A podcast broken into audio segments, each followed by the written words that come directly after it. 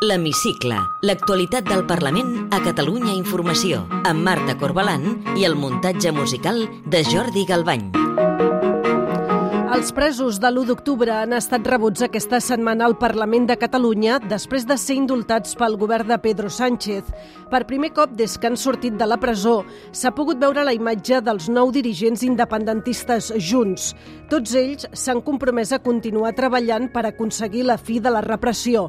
Avui entrevistem la portaveu adjunta del grup parlamentari d'Esquerra, Meritxell Serret. Benvinguts a l'Hemicicle.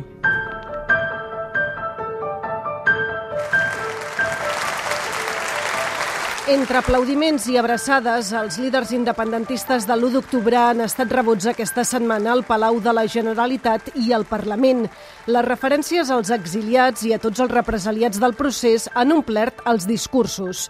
L'expresidenta del Parlament, Carme Forcadell, ha parlat en nom de tots els indultats. Nosaltres ara ens comprometem, ara que estem en llibertat, a treballar més que mai per aconseguir la fi de la repressió, per aconseguir que aquestes persones que no poden tornar a casa, per aconseguir que aquestes persones que són víctimes de la repressió política i econòmica puguen viure en pau i tranquil·litat. La presidenta del Parlament, Laura Borràs, ha demanat al govern espanyol que no posi límits al diàleg. Ens diuen que s'obre una nova etapa, però fem-nos entre tots un propòsit, que el diàleg que invoquem sigui un diàleg franc que es tradueixi en una negociació franca on els límits no els marqui la Constitució, sinó simplement la democràcia. A l'acte del Parlament hi han assistit diputats d'Esquerra, Junts per Catalunya, la CUP i els Comuns. No hi havia cap representant del PSC, ni de Vox, ni de Ciutadans, ni del Partit Popular, que s'han queixat a la presidenta Borràs que la cambra fes aquest homenatge als presos. Sentim el diputat socialista Raúl Moreno, Carlos Carrizosa de Ciutadans i Ignacio Garriga de Vox. Hem d'intentar que aquesta cambra eh, estigui protegida, es protegeixi també d'algunes accions, d'alguns actes que poden no representar el conjunt de la ciutadania. La condena de inhabilitación abarca también la privación de honores. No vamos a permitir que en la casa de todos se ensalce la figura de una minoría privilegiada que lleva décadas promoviendo la violencia y promoviendo la agresión a una mayoría de catalanes.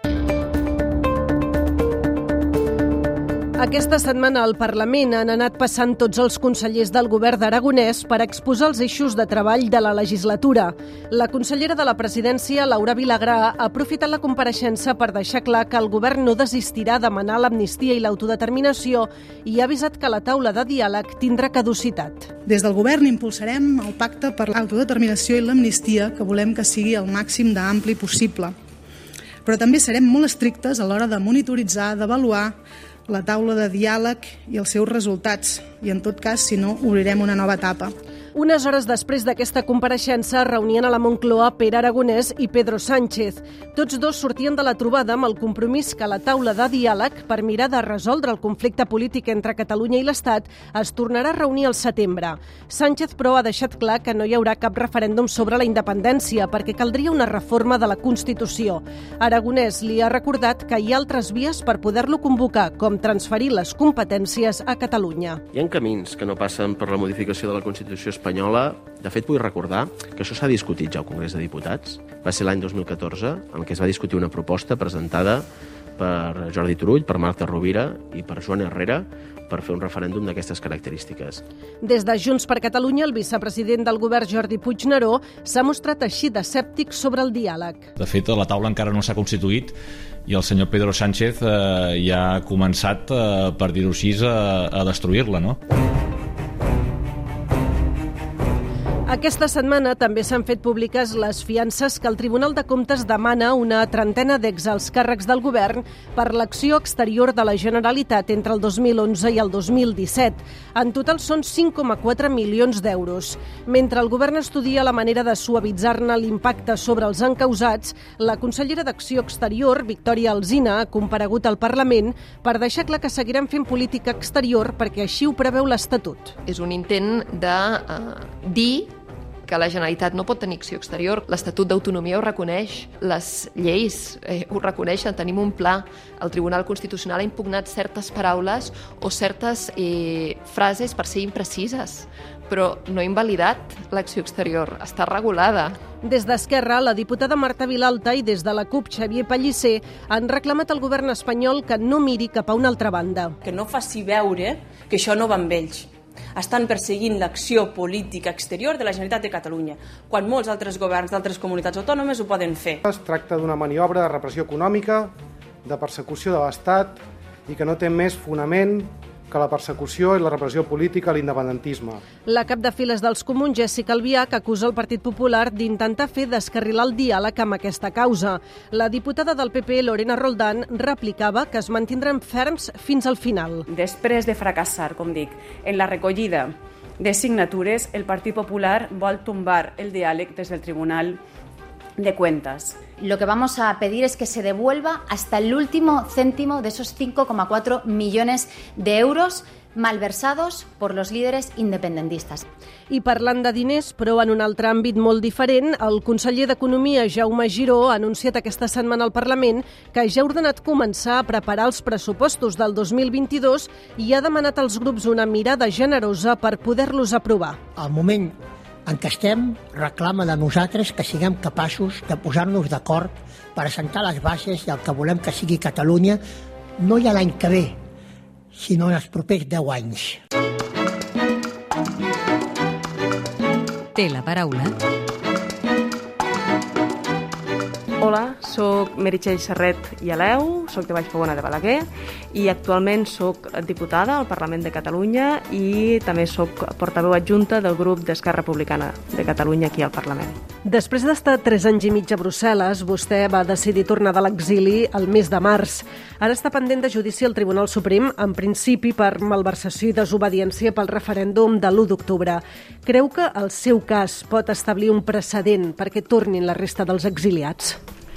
Um, jo crec que el, la veritat, amb tota aquesta decisió personal meva de, de, de tornar aprofitant el context no, en el que vivia, d'estar de, més d'un any sense que s'emetés un euroordre i, i amb aquest, no, aquesta oportunitat de ser diputada i per tant no, d'aprofitar uh, aquesta conjunció d'un buit o un espai legal per explorar, per poder continuar amb la meva defensa i amb aquesta lluita contra la repressió i aprofitant també aquesta oportunitat de ser diputada, doncs jo crec que, bé, confio que en el meu procés judicial, en com avanci el meu procés judicial, es puguin establir alguns elements que ajudin al retorn de, de les persones que encara estan a l'exili. Evidentment, cada cas és un món, les situacions són molt diferents i molt dispars, i el que sí que tinc clar és que és un treball conjunt i que cadascuna de les accions que tots anem fent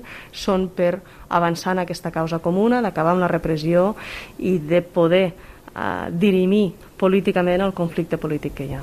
Com valora que el govern de Pedro Sánchez hagi indultat els presos independentistes? La veritat és que la nostra aposta ha estat i continua sent l'amnistia, perquè som molt conscients que és una causa general que està afectant a, no, a milers, centenars de persones. I, i els indults, en la mesura que alleugen el dolor de, de, de les persones que estan a la presó, de les seves famílies, és un pas, ho deia aquests dies la, no, la, la Carme Forcadell, és un pas, però mm, és un pas més, és a dir, necessitem avançar tots plegats per acabar amb aquesta judicialització, per acabar amb la repressió, perquè mentre hi hagi repressió serà molt difícil avançar en la solució política d'aquest conflicte. Aquesta mateixa setmana hem conegut el cas del Tribunal de Comptes, que ha reclamat a una trentena d'exalts càrrecs de la Generalitat 5,4 milions d'euros per l'acció exterior del govern. És possible el diàleg amb causes obertes com aquesta? És un, és un pas enrere, si tu vols dir d'alguna manera, en aquesta lluita contra la repressió, però el que sí que tenim clar és que per part de l'independentisme, per part dels que som republicans i demòcrates, la solució sempre serà política, sempre serà democràtica, sempre serà des d'aquestes garanties de preservar els drets de les persones. I a partir d'aquí continuarem lluitant més que mai i forçant perquè no sigui la repressió qui marqui la pauta, sinó que sigui la negociació, la política, la democràcia qui marqui la solució d'aquest conflicte polític, avançar doncs, cap a aquesta amnistia, aquesta solució que ens permeti també tenir aquesta solució democràtica que és el referèndum. Com vostè deia ara mateix, l'independentisme reclama aquesta amnistia i també un referèndum d'autodeterminació, però després de la reunió d'aquesta setmana entre els presidents Pere Aragonès i Pedro Sánchez ha quedat clar que en principi no hi haurà ni amnistia ni referèndum. Hi ha marge per resoldre el conflicte polític entre Catalunya i l'Estat sense aquestes dues demandes? Per part nostra, sempre portarem la bandera del diàleg, de la negociació, sempre portarem la bandera de la, de la democràcia i continuarem construint i treballant perquè aquests grans consensos siguin encara més forts, siguin encara més madurs, més resilients no? i capaços de fer finalment realitat la fi de la causa general, aquesta amnistia i eh, aquesta solució democràtica, el referèndum. El president Pere Aragonès vol que tots els partits, institucions i entitats de la societat civil partidaris de l'amnistia i l'autodeterminació signin eh, una mena de pacte comú en defensa d'aquestes dues qüestions perquè així interpreta que tindrà més legitimitat quan porti el document a la taula de diàleg amb l'Estat. Quina força tindrà aquest pacte si no s'hi suma el PSC, que és el primer grup al Parlament? Aquí el problema és si el Partit Socialista serà capaç d'avançar i fer passos decidits per alinear-se amb aquests grans consensos, si podrà, no? si, si evolucionarà com per alinear-se aquests grans consensos de, de la societat catalana i, i veurem, veurem com, com evoluciona. Des d'Esquerra fan eh, una crida al PSC perquè s'assumi aquest acord nacional. Des d'Esquerra Republicana sempre estem disposats a parlar i el que tenim clar és que esperem que aquesta voluntat de la ciutadania, aquests grans consensos siguin compartits i s'assumeixin el màxim de forces polítiques i el PSC entre elles, evidentment. Podria ser una opció reclamar el traspàs de les competències a Catalunya per fer un referèndum, tot i que el 2014 ja es va intentar i el Congrés hi va donar un cop de porta?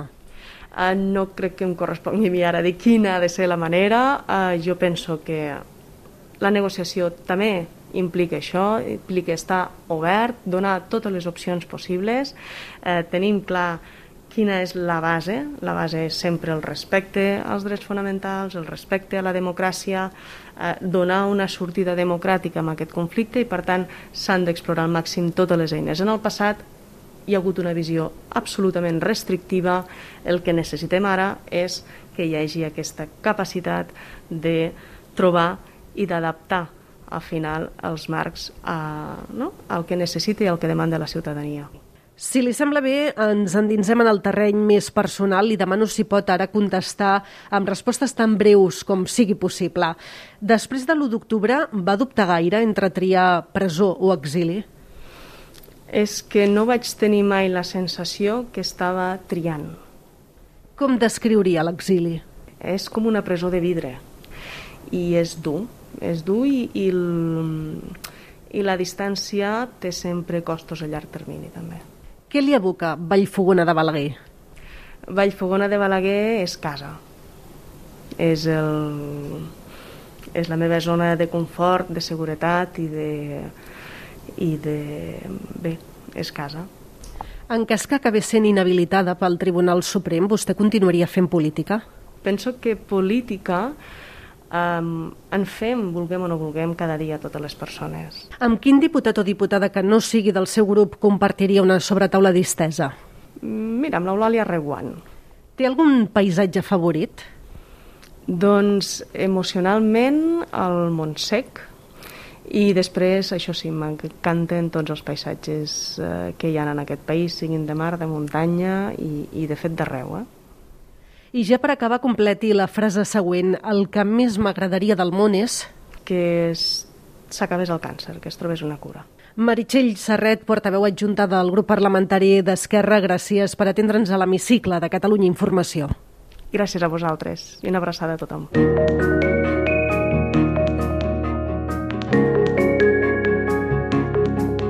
Podeu tornar a escoltar l'hemicicle al web catradio.cat barra hemicicle o al podcast del programa i seguir l'actualitat del Parlament al perfil de Twitter arroba L-hemicicle.